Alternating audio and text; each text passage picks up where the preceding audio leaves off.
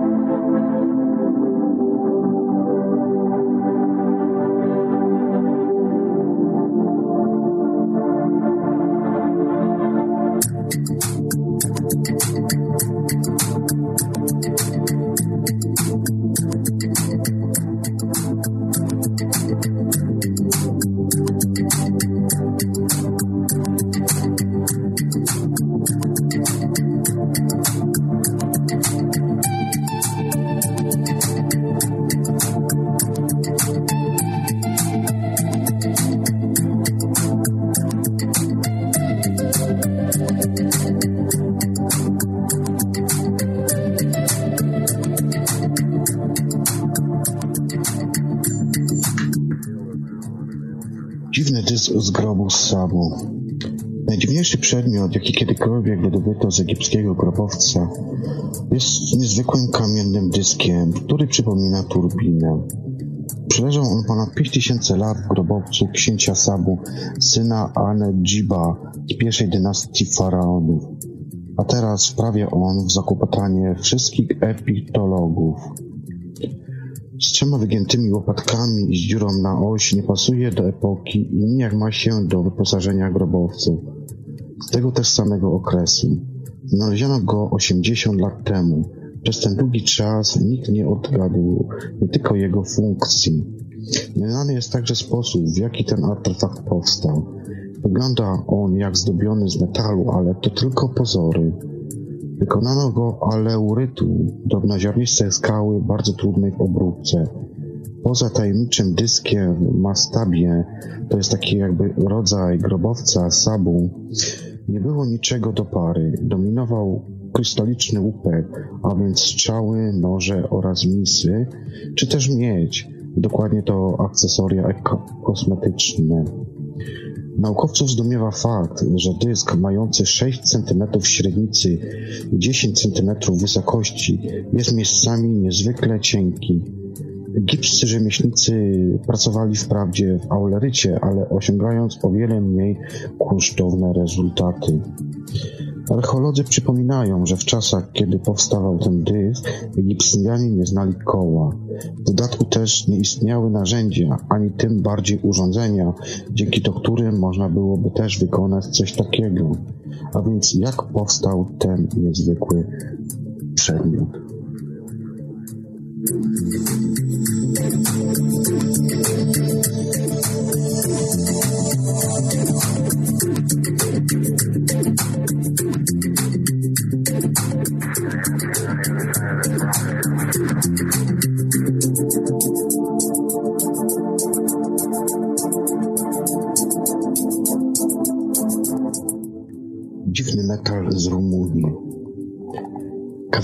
Metalu wyglądający na część większego urządzenia znaleziono w Rumunii w 1974 roku, 10 metrów pod ziemią.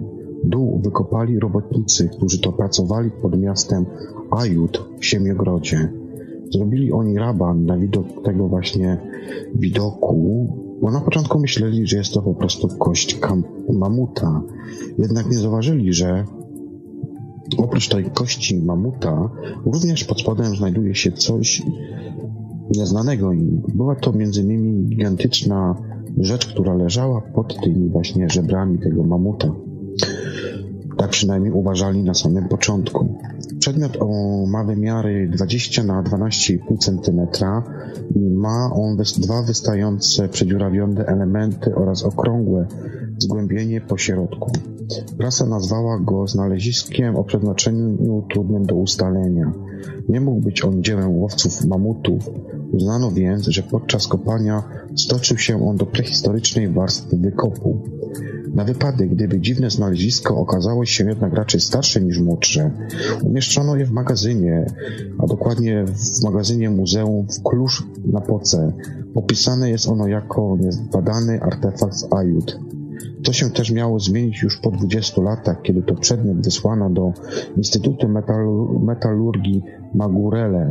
Tam też zaczął on nowe swoje życie w umysłach uczonych, których myśli zasprzątano, za, zaprzątało cały czas pytanie, kiedy i jak powstał.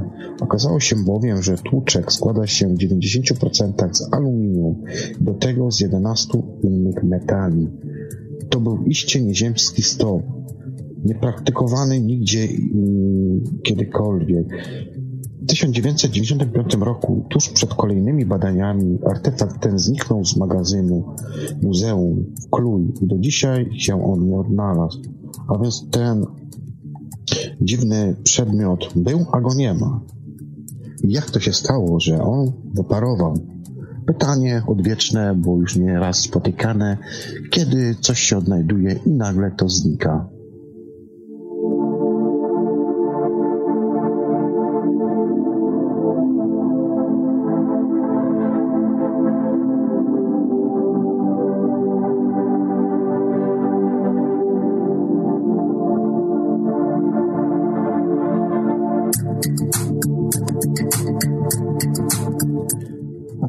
Przejdźmy do innej y, zagadki, a mianowicie chodzi mi o zagadkę dodekahedronów. Czym są dodekahedrony? Nie dość, że, są, że dziwnie one wyglądają, to też można sobie połamać już język na same ich nazwy, co zresztą przed chwileczką słyszeliście. No do, nad dodekahedronami to jest takimi przedmiotami z, 13, z III oraz II wieku przed naszą erą. Naukowcy łamią sobie już głowy nawet do dzisiaj i załamują ręku, ręce. Jak dotąd nikt nie wyjaśnił funkcjonowania niewielkich zabytków znajdujących się niemal w całej Europie. Niezliczeni specjaliści opracowali, obracali kanciaste artefakty, przyglądając im się ze wszystkich stron. Dwunastościany z kulkami na krawędziach, puste wewnątrz, znaleziono dotąd m.in. w Niemczech, Francji, Belgii, Szwajcarii, Wielkiej Brytanii, we Włoszech, w Hiszpanii, a nawet na Węgrzech. Kamienne lub też metalowe o średnicy od kilku do kilkunastu centymetrów, takie mają mniej więcej wymiary. Każda z ich ścianek ma otwór o innym promieniu, co z pewnością nie jest też bez znaczenia, ale żeby rozważać znaczenie, trzeba byłoby po prostu poznać ich przeznaczenie, a z tym już jest problem. Odrzucając koncepcję świeczników, w tej roli się one jednak tutaj nie sprawdziły, akcesoriów do gier legionistów, nie ma o tym żadnych zmianek w zapiskach, czy też sprzętu do obserwacji gwiazd. Nic też przez nie absolutnie nie widać. Uznano, że dodekahedrony były ozdobnymi bibelotami. Pytanie o to, dlaczego to y, te rzekome rzymskie durnostojki miały otwory różnej wielkości, pozostaje dziś bez odpowiedzi. Wróżbici korzystający z kul nie wykluczają też, że ich starożytni odpowiednicy woleli wróżyć właśnie z takich dodeke, dodekahedronów. Powtórzę jeszcze raz, dodekahedrony.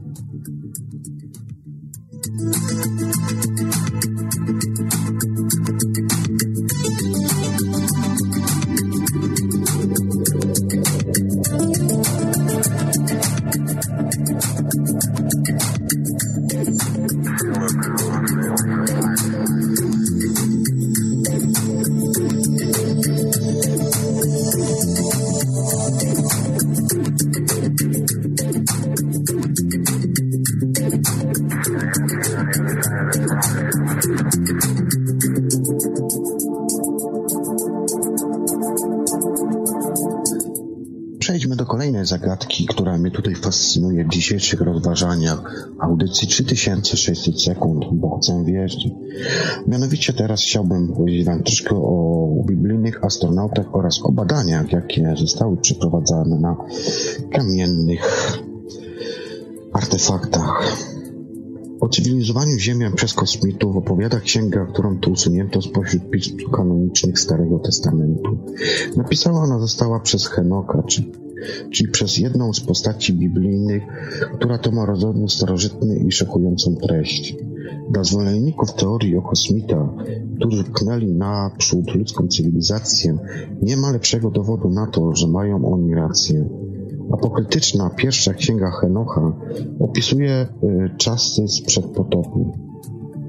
Henoch był potomkiem Seta, pradziadkiem Noego i jednym z najbardziej sędziwych biblijnych patriarchów. Zanim w huku i w płomieniach został zabrany do nieba, zdążył on opisać wydarzenia, do jakich to doszło za sprawą niesu, niesubordynowanych synów Boga, a właściwie synów Boga, Elohim realizując misję podnoszenia kwalifikacji ziemian, istoty te, mimo boskiego zakazu, nie powstrzymały się przed skrzyżowaniem z ludźmi. Skutki były takie, że za to wyniki anielskiej edukacji były świetne, a skutkami były takie między innymi te, te rzeczy, że po prostu zapadniali ziemskie kobiety i powstawały różne dziwne stworzenia, istoty, łącznie z gigantami. Podczas gdy ludzie terminowali pod okiem Elohim rzemiośle i budownictwie, nauczyciele podzimi Nefilim, tępych, brunatnych gigantów, których to Biblia nazwała upadłymi. O związkach z Elohim, z córkami człowieczymi, wspomina też kanoniczna Genesis. Księdze Henocha mowa jest o dwustu takich istotach, których przybył, którzy to przybyli z nieba e, statkami i osiedli się na, góra, e, na górze Hermon. To jest dzisiejsza Syria. W swojej księdze Henok nazwał ich obserwatorami. Podaje też inną imię tego dowódcy, który nazywał się Semichaza. Powtórzę, Semichaza. Ruszyły, y, ruszyły też między ludzi one, one właśnie z misją szkoleniową, mając w programie ogrodnictwo, astrologię, wiedzę o chmurach, kurs rozpoznawania gwiazdozbioru oraz cykli księżycowych i tego typu podobnych rzeczy.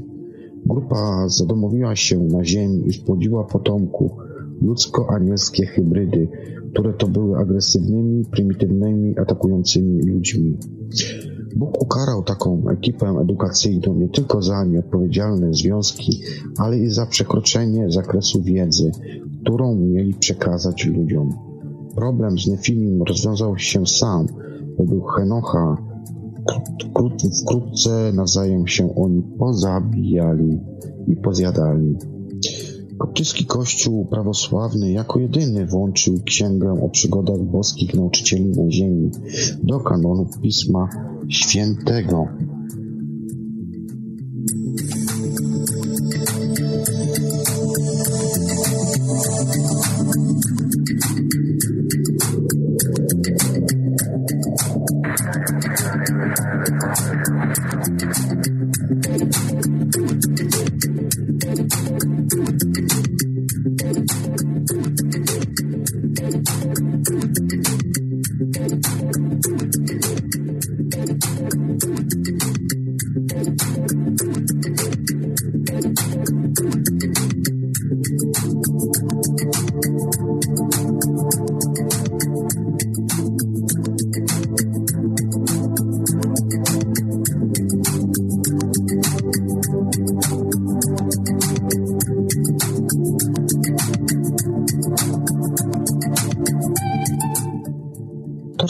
Się może potopem i prawdą, czy taki potop w ogóle kiedykolwiek istniał.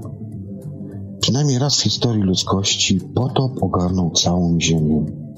Miało to miejsce między 12 a 9,5 tysiącami lat temu, prawdopodobnie na skutek rozbicia się o nasz glob odłamków komety. Echa tego wydarzenia pobrzmiewają w podaniach prastarych kultur, oddalonych od siebie tak bardzo i przekazujących relacje tak podobne, że nie ma więc wątpliwości, że chodzi tutaj o wydarzenia w skali planety, poparte zresztą odkryciami geologicznymi. Za to potop pisany w Biblii, mający miejsce 4,5 tysiąca lat później, budzi już tutaj wątpliwości. Jeśli w ogóle się on zdarzył, to na pewno na mniejszą skalę. Naukowcy pod kierunkiem Roberta Ballarda odkryli ślady dawnych linii brzegowej Morza Czarnego, około 180 metrów poniżej obecnego poziomu. Jest to dowód, że kilka tysięcy lat temu teren ten zalała wielka, ale zaledwie lokalna powódź. I to ona najprawdopodobniej jest źródłem legendy o potopie w Starym Testamencie. Teoria o potopie na obszarze Morza Czarnego pochodzi z końca XIX wieku. Wylew tego akwenu datowano na 2297 rok przed naszą erą, dopóki to badania osadów przeprowadzane były przez yy, dopóki nie przeprowadzano badań yy, archeologicznych przez geologów yy, Waltera Pittmana i Liama Raina z Uniwersytetu w Kolumbii. Yy, kiedy to właśnie te badania przeprowadzano, przesunęły one te wszystkie mm, no, wcześniejsze daty do momentu wstecz to jest do 5000 lat przed naszą erą, kiedy to Morze Czarne było jeszcze jeziorem. Na skutek topnienia lodowców podniósł się poziom Morza Śródziemnego. Wody przerwał pas lądu i wpadł do jeziora, żłobiąc ciśnieniem Bosfor. 5000 lat temu ludzkość nie przeżyła żadnego globalnego kataklizmu, co stoi w sprzeczności z opisem biblijnej historii Noego w dodatku nie będącej opowieścią oryginalną, odkąd w 1947 roku odkryto starobabiloński epos o Gilgameszu, dużo starszy od Biblii. Wiadomo, że historia o Noem została z niego zaczerpnięta. Sumeryjski pierwowzór Noego, Utnapishtim, buduje arkę, Chroni się w niej z żoną, trzema synami i synowymi, zabiera na podkład, pokład pary zwierząt, wypuszczając na zwiady gołębie i osiada na południowym stoku Araratu. Wszystko się więc zgadza z tymi zapiskami, które mamy w Biblii. Tylko tak, tylko jedno, jedyną rzecz, która tutaj się nie zgadza z potopiem biblijnym, to jest między innymi data rzeczywistego globalnego potopu. A więc przypadek? Nie sądzę.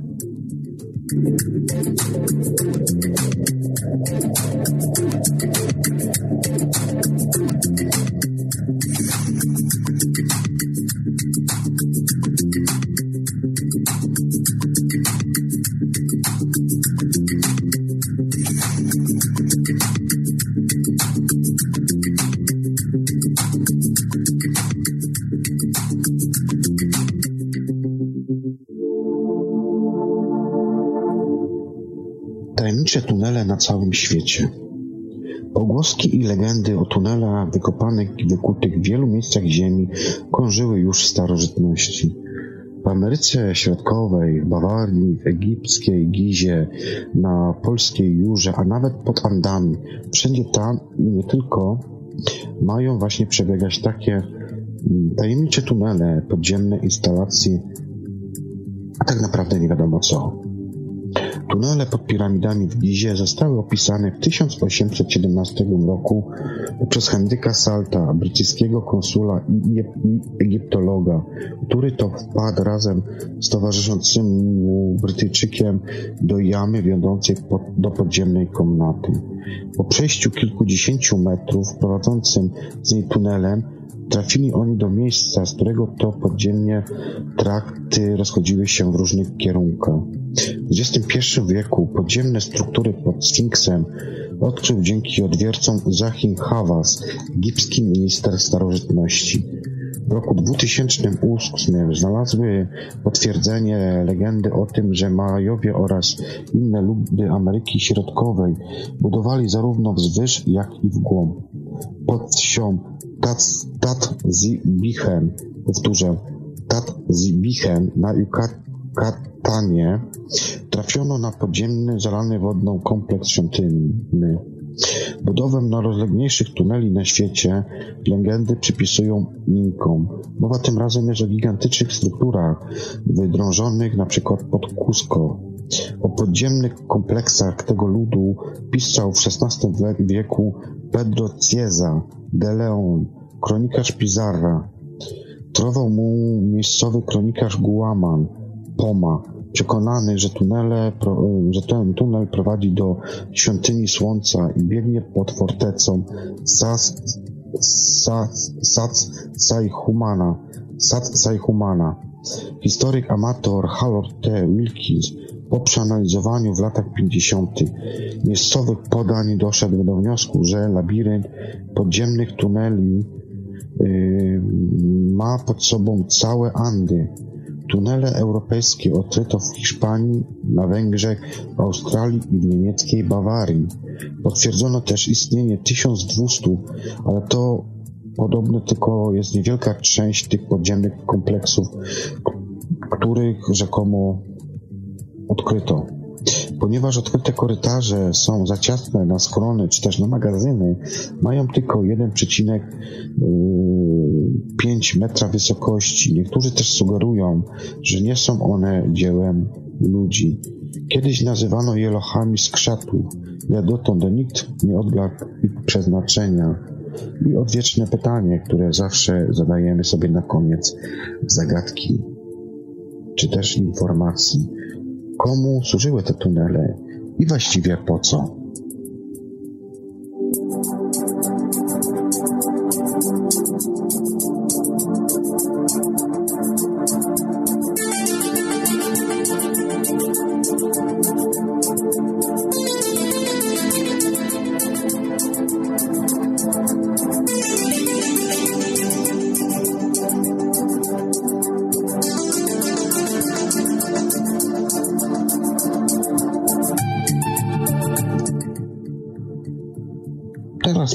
może do Loch Ness.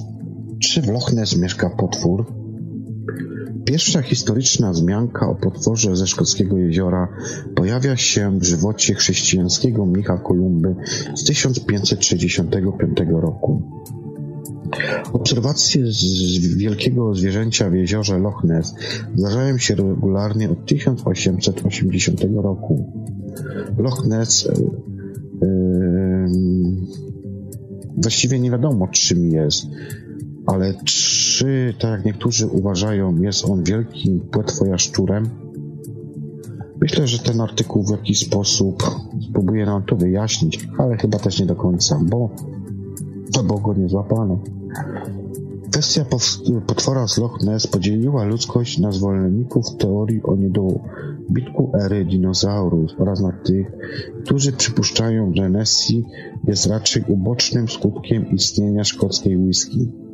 Zdaniem zoologów snujących przypuszczenia na podstawie opisów oraz zdjęć, których to najnowsze jest obrazem sonaru przedstawiającym kilkunastometrowy obiekt przypominający płetwosz jaszczura, Nessie mógłby być prehistorycznym gadem, plezjozaurem. Zastrzeżeniem, że nie mógłby on przetrwać w lodowatej wodzie Loch Ness w zależności od materiału fotograficznego świat nauki identyfikował potwora z Loch Ness jako wielkiego morskiego mięczaka, ławicę ryb płynącą, płynące rzędem wydry lub też ogromnego jesiotra. Wielu świadków widziało przypadek, który zdarzyło się, zdarzył się w 1952 roku, kiedy to John Cobo bił rekord prędkości, poruszając się pod Loch Ness łodzią motorową. Rekordzista zginął, zdarzając się z obiektem, który nagle wynurzył się z jeziora. Gapie zakinali się, że widzieli górną część właśnie tego wodnego jaszczura. W 1960 roku ekipa BBC nakręciła film, film ukazujący wyłaniający się z wody ciemny grzbiet. Kilka lat później echosonda Uniwersytetu Birmingham zarejestrowała duży obiekt odgrywający się od dna Loch Nessu. W 1989 roku echosondy na 20 łodziach wyposażonych w sonary trzykrotnie wykryły duży, du, duży ruch y, a więc rzekomy obiekt, który był na dnie. Ta operacja nazywała się operacją Deep Scan. W 1996 roku Austin Hepburn wykonał zdjęcie zmarszczenia lustra wody przy bezwiecznej pogodzie. Jednak najbardziej obiecujący ob obraz z sonaru użytego w 2015 roku trudno zignorować nawet sceptykom. Zarejestrowany obiekt uchwycono w momencie przypływania pod łodzią. Ma on wymiary oraz właśnie kształt plezjozaura. Jak dotąd jest to najlepszy dowód na to, że w Loch Ness, jednym z najgłębszych szkockich jezior, który ma ponad 200 metrów głębokości, żyje taki właśnie e, prehistoryczny gacz. A więc pytanie standardowe na koniec. Czy rzeczywiście w tym jeziorze pływa taki plejozaur? Bo wszystko wskazuje na to, że yy, dzięki badaniom z 2015 roku tak właśnie może być.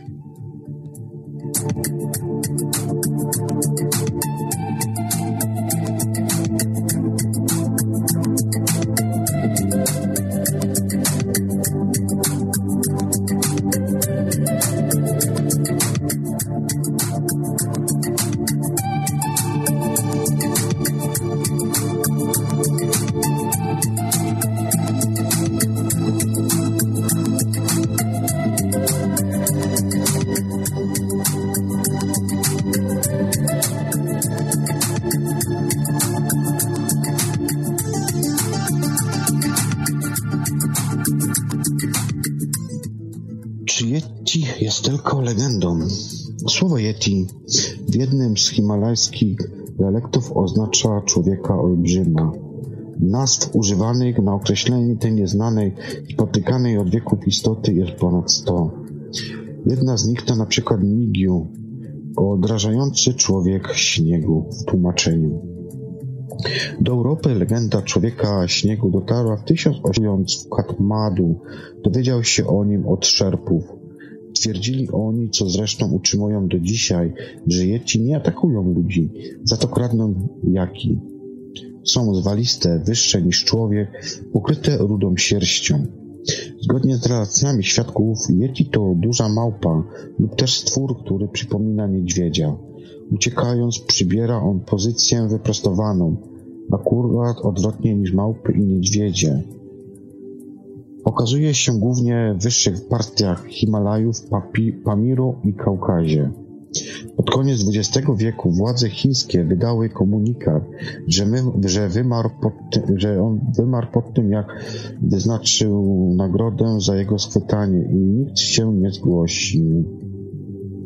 Najstarsze relacje pisane na temat dwunożnych, obosionych stworów pochodzą sprzed 2000 lat. Nie ma dzisiaj żadnych materialnych dowodów na istnienie Yeti. Jego słynny skalp, udostępniony do badań w latach 60. przez klasztor w Humjung, Humjung okazał się skórą jaka. Kości łap Yeti z Azji Środkowej zidentyfikowano jako szczątki niedźwiedzia. Naukowcy twierdzą, że Yeti mógłby być też czterokształtnym małpa, y, mogłyby, że Yeti mogły być też czterokształtnymi małpami giga, gigatopitekami, gdyby te nie wymarły 300 tysięcy lat temu. W ciągu XX XXI wieku ludzie, śnieg, y, ludzi śniegu widziano na terenach nieuczęszczanych ponad 2000 świadków. Podróżnik Reinhold Messner natknął się na Yeti w 1986 roku w Tybecie. Dwukrotnie z daleka zobaczył jego sylwetkę. Kilkakrotnie trafił on na ślady tego zwierzęcia i słyszał jego gwizd. Włoski Himalaista był orędownikiem istnienia znanego nauce małpoluda, dopóki nie zmienił zdania. Po przeanalizowaniu trzech zwierzęcia, o którym jest mowa w legendach oraz podaniach, doszedł on do wniosku, że za fenomenem Yeti kryje się niedźwiedź himalajski. Pozostaje jednak wątpliwość, czy ma on rację. Pytanie podstawowe na sam koniec tej informacji, czy człowiekokształtny gigant rzeczywiście grasuje w Himalajach, czy jest to po prostu tylko wymysł?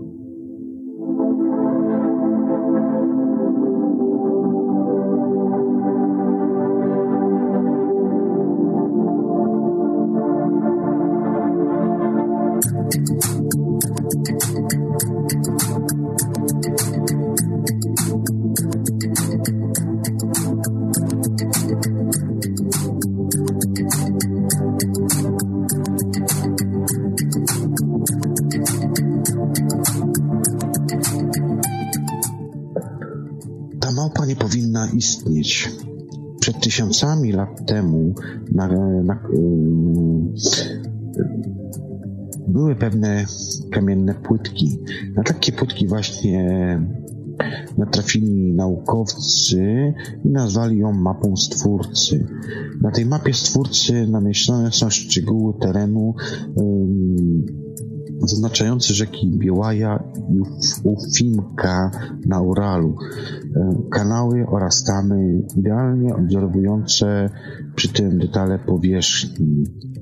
Zabytek jest, został odnaleziony w 1999 roku przez profesora, profesora Aleksandra Czuwyrowa z Uniwersytetu Baszkirskiego i służył on jako schodek do czyjegoś domu. Kamienna mapa ma wymiary 1,5 metra na 1 metr oraz 16 cm grubości. Waży ona tonę, a jej ciężar gatunkowy jest zdaniem odkrywcy ogromny. Z badań profesora Czuwyrykowa wynika, że płytę złożoną z dwóch kamiennych warstw ukrywała kiedyś ceramiczna glazura zabezpieczająca powierzchnię. Profesor odkrył, że na płytce szczegóły topograficzne okolicy oraz niezidentyfikowane hieroglify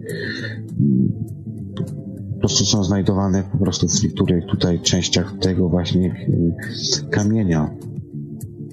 Inni też uczeni nie widzą jednak na płaskim głazie nic poza licznymi pęknięciami na skutek wietrzenia.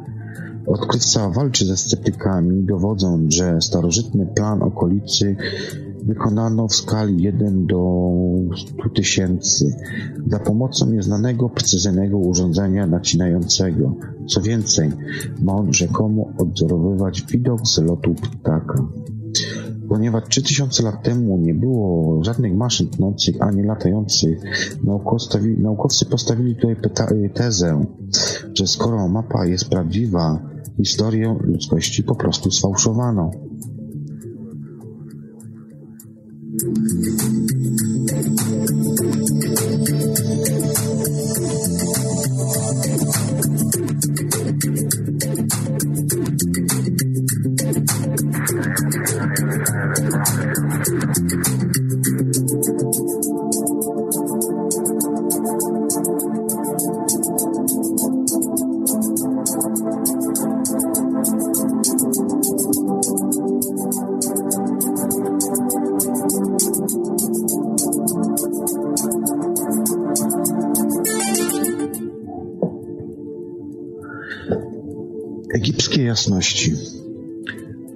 Czy przedstawianie, y, przedstawienia na ścianie krypty świątyni w Denerze są wielkim, wielkimi żarówkami?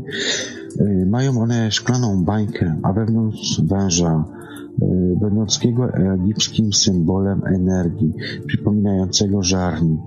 Wystają w tak zwanych, z tak zwanych filarów dżedż, według egipskiej tradycji źródłem wielkiej mocy.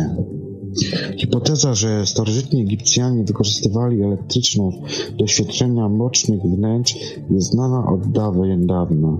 Relikty, reli, reliefy w komnacie C południowej krypty nr 1 w świątyni sprzed 2000 lat są jedynymi znanymi przedstawieniami starożytnych żarówek. Płaskorzeźby robią tak wielkie wrażenie, że podziemną kryptę Dendery można by było uznać za współczesną fałszywkę, gdyby nie to, że to jest bezsprzecznie oryginał sprzed naszej ery. Zwolenniczki egipskich jasności uzyskanych dzięki żarówkom przywołują fakt, który to zastanawia naukowców nawet najbardziej odpornych na dowody zaawansowania technologicznego ludu z nadmilu. Wiele ścian z ciemnych zakamarków świątyń i mrocznych krypt, pokrytych e, hieroglifami i malowidłami, nie nosi żadnych śladów okoceń.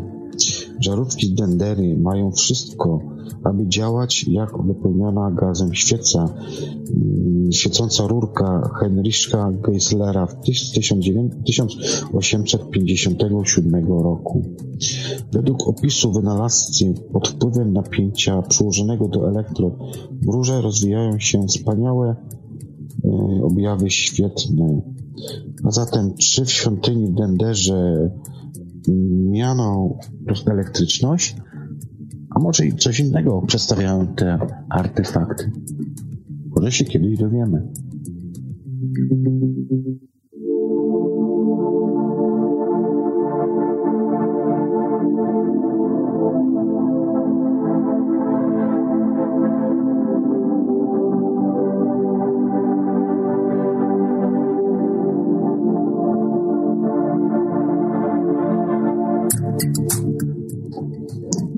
Przejdźmy do Atlantydy. Gdzie jest Atlantyda? Nadszedł jeden dzień straszny, jedna noc okropna, a wyspa Atlantyda zapadła się w głębiny oceanu. Tak grecki filozof Platon opisywał ponad 2400 lat temu zagadkę kontynentu, po którym nie ma śladu od ponad 11 tysięcy lat. Wykryto na dnie Oceanu Atlantyckiego ruin wspaniałej stolicy Atlantydy, opisywanej przez Platona w dziełach, takich jak Tima, Timaios i Critias. Mimo, że cała historia zasłyszana została od egipskiego kapłana, nie dotknięto się w Egipcie na żaden dokument potwierdzający rewelację filozofa. Nie mając pojęcia o istnieniu Ameryki, Platon pisał o rozciągającym się za Atlantydą lądzie, który to ogranicza prawdziwe morze. Stolica Atlantydy miała według niego kształt kilku współśrodkowych kręgów oddzielanych wodą, a w jej centrum znajdowała się Święta Góra. Przedstawienie wszechświata w postaci kilkupoziomowej Świętej Góry znamy z budowli nadatlantyckiej cywilizacji megalitycznej, do której to należą Silbury Hill i Stonehenge w Anglii oraz Karka Karnas we Francji. Czyżby na tych terenach działali kolonizatorzy z Atlantydy? Atlantyda występuje nie tylko w Timanoisie i Critiasie Platona. Historyk Starbon opisuje ją w dziele Geografia pochodzącym z przełomu R, a Pliniusz starszy w historii naturalnej, powstałym między 23 a 79 rokiem przed naszą erą.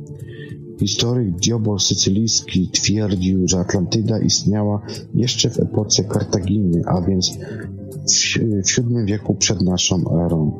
Dzieło geograficzne z V wieku wymienia kilka wysp w Morzu Wewnętrznym, czyli na Atlantyku, na którym to żywa jest pamięć o zaginionym lodzie zwanym, Atlantydą. Do dziś nie została wytłumaczona zbieżność z Atlantydą azteckiej nazwy praojczyzny starożytnego państwa Inków Aztlan.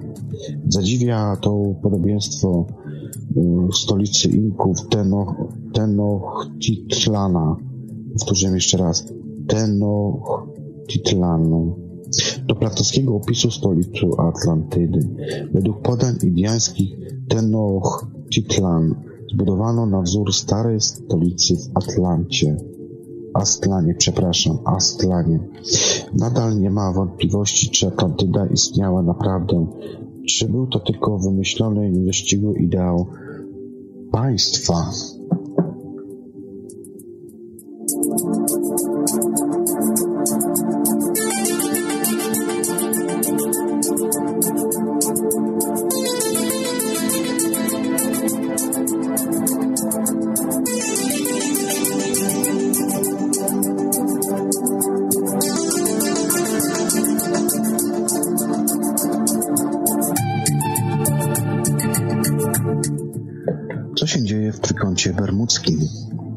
Obszar pomiędzy Bermudami i Florydą a Puerto Rico cieszy się złą sławą.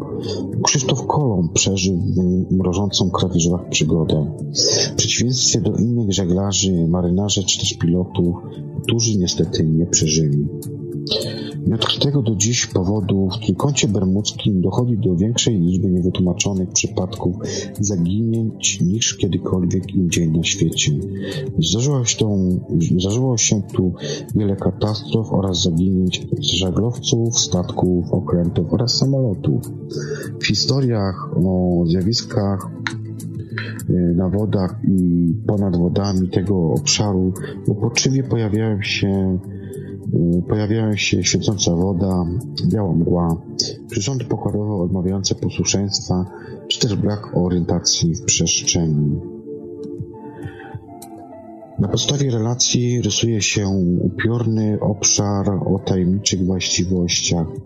Najbardziej zadziwiające są wzmianki o anomaliach czasu, opóźniający się zegarek, czy też pola magnetycznego, takie na przykład y, jak wirujące wskazówki kompasów. Wśród zaginięć w trójkącie bermudzkim były też przypadki naprawdę spektakularne, jak na przykład zniknięcie w 1918 roku 150-metrowego węglowca Cyclops z 306 marynarzami na pokładzie. Większe emocje niż zaginięcie jednostek powalających budzi fakt, że w trójkącie przepadają bez wieści również samoloty, nawet całe ich eskadry. Na temat występujących na tym obszarze zjawisk, które to prowadzą do tragedii, istnieje szereg teorii. Jedna z nich e, Jedna z nich poparta poprzez Alberta Einsteina mówi o wrotach tunelów czasu przestrzennego. Inne tłumaczenia, mniej fantastyczne, ale nie dające też precyzyjnych odpowiedzi, dotyczą anomalii pogodowych. W 1988 roku Ralph Fuller, Fuller nakręcił Pensacola Beach na Florydzie film przedstawiający lot, nurkowanie i wyłożenie się z oceanu dwóch świecących, jaskrawo latających spotków. Powtórzę jeszcze raz. Film to jest, y, tytuł tego filmu to Pensacola Beach z 1988 roku. Kilka lat wcześniej załoga holownika Kajoba Sahorsy zaobserwowała pływający w trójkącie bermudzkim dziesięciometrowy metaliczny dysk. I tu powstaje kolejna teoria, która mówi, że być może jest tutaj jakiś, jakieś działanie kosmitów, bo jakby nie patrząc, pomiędzy Bermudami, Miami a Puerto Rico powstaje idealny trójkąt. Czyby w rzeczywistości trójkąt bermudzkiego miał związek, czyby rzeczywiście te niezwykłości występujące w tym trójkącie bermudzkim miały związek właśnie z UFO?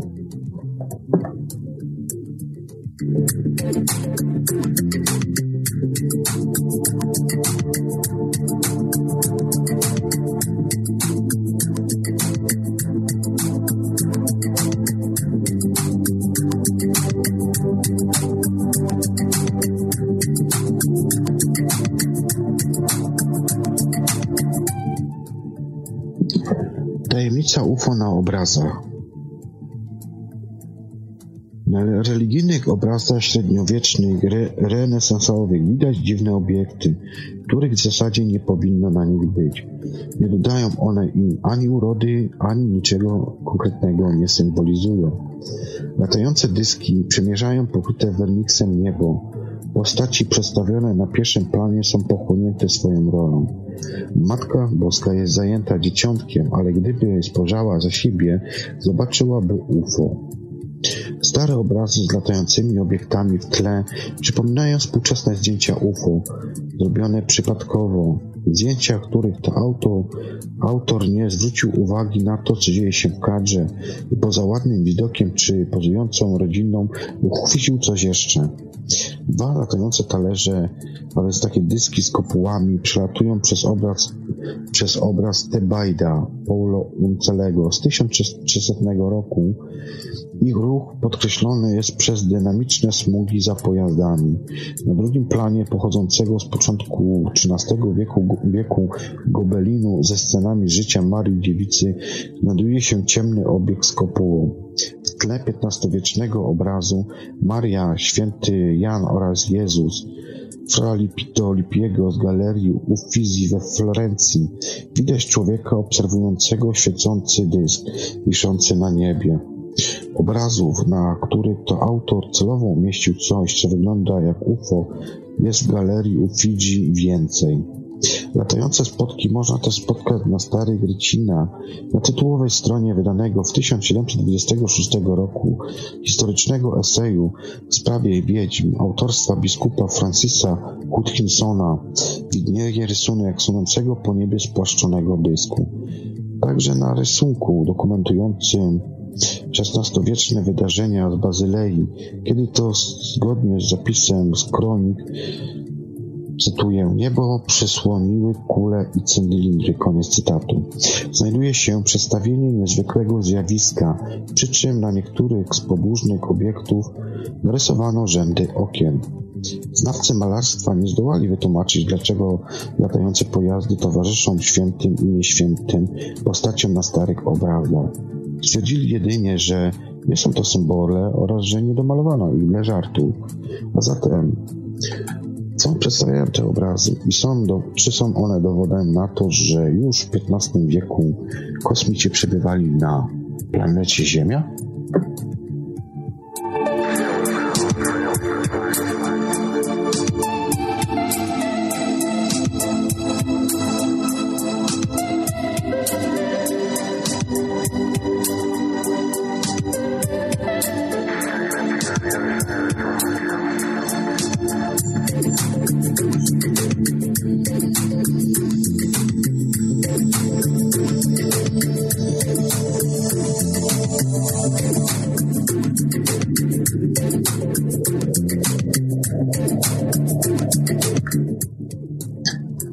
Wampir, który gapił się na kozy. Do lat 90. XX wieku kupakabry egzystowały tylko w ludzkich umysłach. Dowodami na istnienie czegoś dziwnego, co pozostawia na ofiarach, głównie kozach, okrągłe otwory, przez które to wysysa krew i wyjada serca i wątroby, yy, były tylko pozostałości tych ust. Nagle jednak się coś zmieniło. Kozy miały okrągłe nacięcia na szyjach lub brzusznej stronie tułowa, tułowia. Wyobrażano więc sobie, że sprawcy muszą mieć kły. Potem chupakabry zaczęły się pokazywać. Okazało się, że przypominają one skrzyżowanie psa z rybą. Pierwszym, który dobrze przy, y, przyjrzał się Kupacabrze, był Misael Negron, mieszkaniec Puerto Rico, który to wrześniową nocą w 1995 roku wyszedł na balkon zapalić papierosa.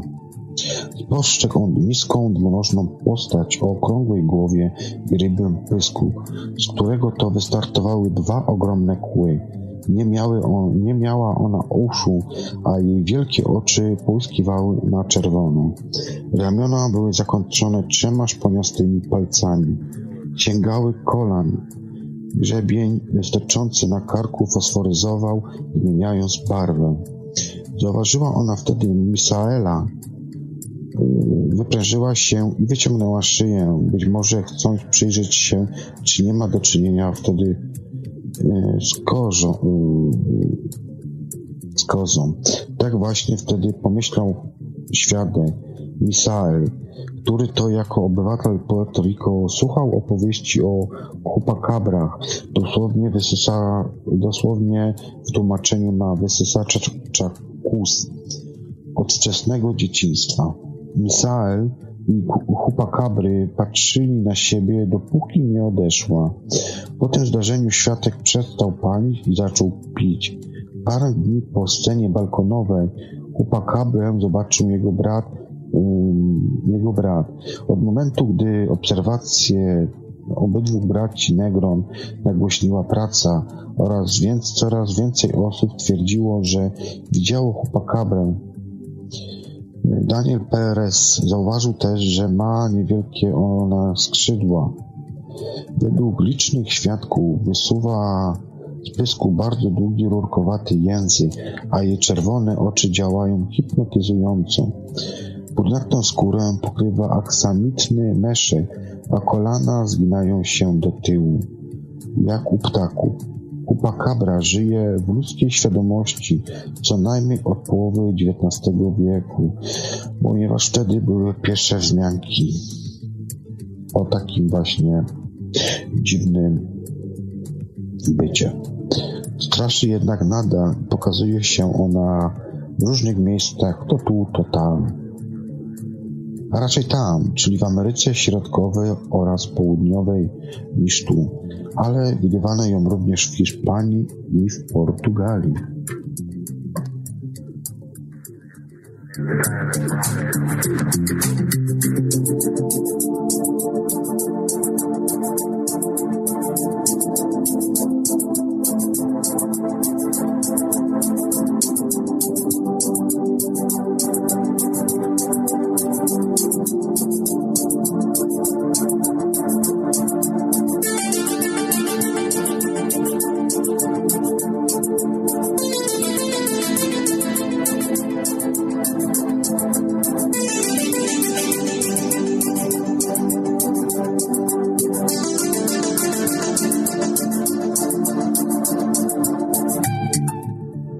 Pamiętacie zagadkę Botmana?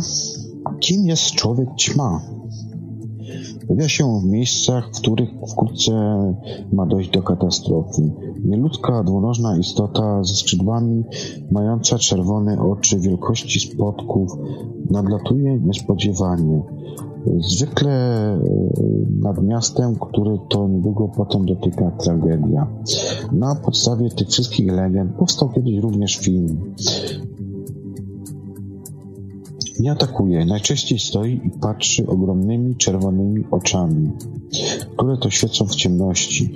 Jest wysoki, ma ponad dwa metry wzrostu, a jego głowa jest osadzona w charakterystyczny sposób, jakby wyrastała z pomiędzy ramion. Zauważyli to prawie wszyscy świadkowie, kiedy nagle pojawił się człowiek ćma i można oderwać wzroku od jego oczu. Hipnotyzuje, budzi strach, ale też paralizuje, pozbawiając możliwości odruchowej ucieczki. Nie jest w nim coś niesamowitego, zaznawała e, na policji mieszkanka Point Pleasant w zachodniej Virgin, której to człowiek ćma nagle zastąpił drogę. Ma ogromne skrzydła. Specjaliści od aeronautyki obliczyli kiedyś, że aby człowiek mógł latać, musiałby mieć skrzydła rozpiętości 8,5 metra. Takie właśnie ma człowiek ćma. Ale pomimo, że e, mógłby on latać w sposób możliwy z naukowego punktu widzenia, robi rzeczy niewytłumaczalne. Na przykład zawisa nieruchomo w pozycji pionowej, a jego skrzydła poruszają się wtedy tak szybko, że niemal ich nie widać. Innym razem przybuje tuż nad ziemią, przyścigając nawet samochody. Przemieszcza się bardzo szybko, jego twarz wydaje się nie mieć os, nosa ani ust, a ciało pokrywa coś w rodzaju brązowego zamszu. Sfotografowano go kilka razy w okolicy Czarnobyla, na Ukrainie tuż przed katastrofą, która odbyła się w 1986 roku. Był już wtedy znany z licznych, przerażających występów w Stanach Zjednoczonych, kiedy w ciągu 14 miesięcy poprzedzających katastrofę mostu Silver Bridge na rzece Ohio w 1967 roku widziało go ponad 120 osób. W wyniku wpadnięcia w rezonans most wypełniony samochodami przełamał się, zabijając 46 osób. Ponad 10 z nich złożyło wcześniej na policji zeznania dotyczące spotkania z człowiekiem ćmą. Utah Geddy sfotografowano go siedzącego na najwyższym punkcie konstrukcji tego właśnie mostu, a i mam nawet tutaj przed sobą właśnie to zdjęcie tego mostu, na którym właśnie jest przedstawiona taka postać. A więc ta istota jest? Zapraszam do debat ufologicznych, bo z tego co pamiętam, kiedyś w debatach ufologicznych również była audycja, o której opowiadano właśnie o Mot Motmenie.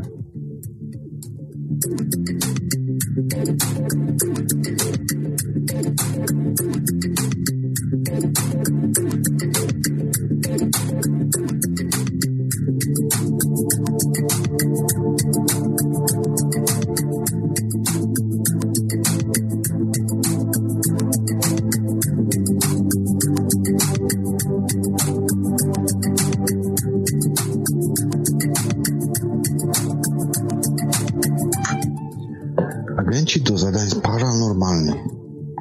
Zjawiają się u osób, które widziały ucho bądź miały kontakt z obcymi. Są pod strachem świadków niewytłumaczalnych zdarzeń. Ludzie w czerni, Men in Black, a w anałach ufologii figurujący jako MIP.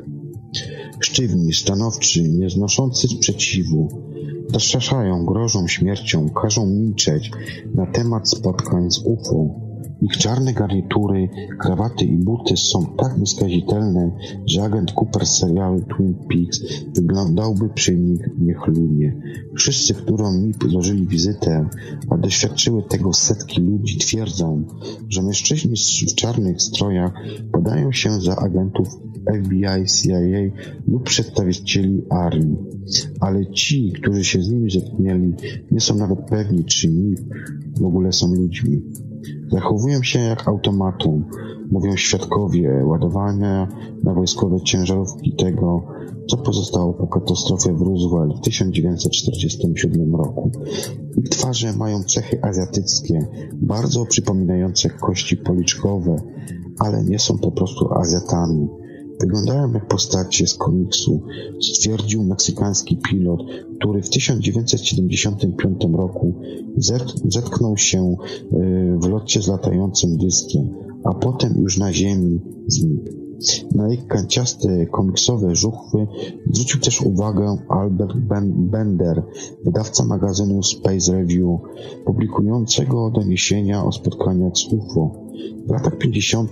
nękali go, dopóki nie zamknął tego pisma. To on zauważył, że mają one oni dziwny akcent, a ich czarne okulary są nieprzejrzyste. Zwolennikiem tezy o obcym pochodzeniu MIB był zmarły w 2009 roku dziennikarz śledczy JKM. Minęło zatem 70 lat, odkąd dziwni agenci odwiedzili świadków rozbicia się UFO z Roosevelt. Czy są oni ludźmi? Do dziś nie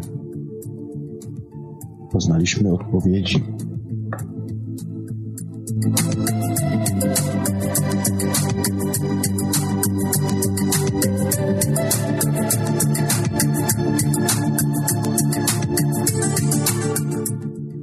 Porywani przez kosmitów. Tysiące ludzi twierdzi, że kosmici uprowadzili ich z samochodu lub z też domu na pokład UFO. Tam pobierali im wycinki tkanek, szczepiali implanty i wbijali długie igły. A wszystko, a wszystko to było bez znieczulenia i bez współczucia.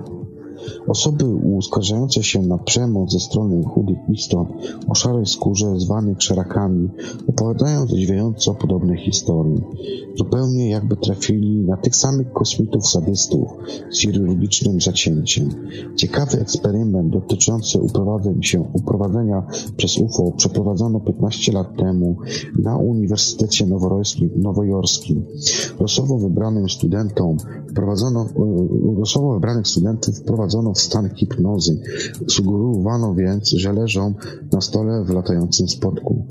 Wynik był szokujący. Wszyscy opisywali, że szczegółami identyczne eksperymenty medyczne dokonywane przez obcych, albo więc ludzka wyobraźnia chadza jedną ścieżką, albo też wszyscy jesteśmy porywani.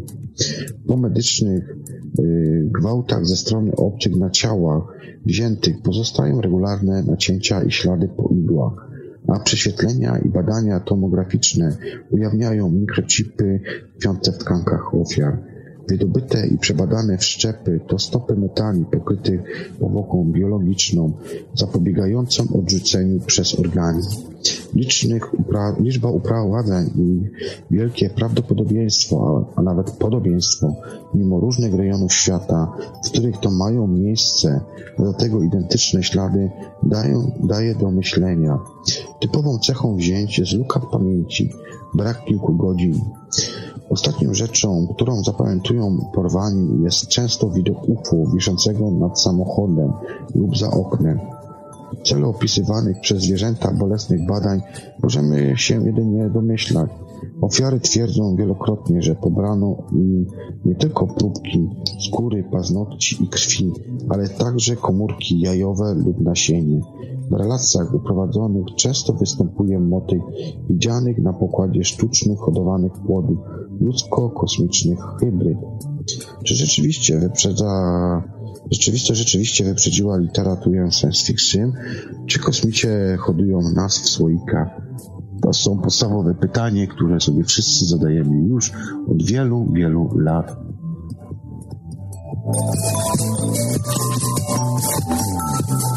We'll be right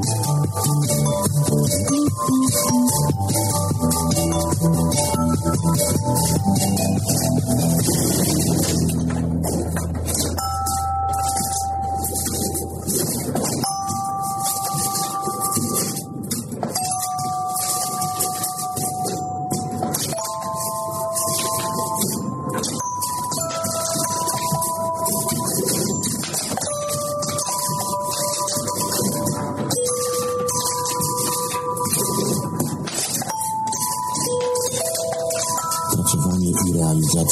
Radio Time. Czytał Juby www.czasnub.com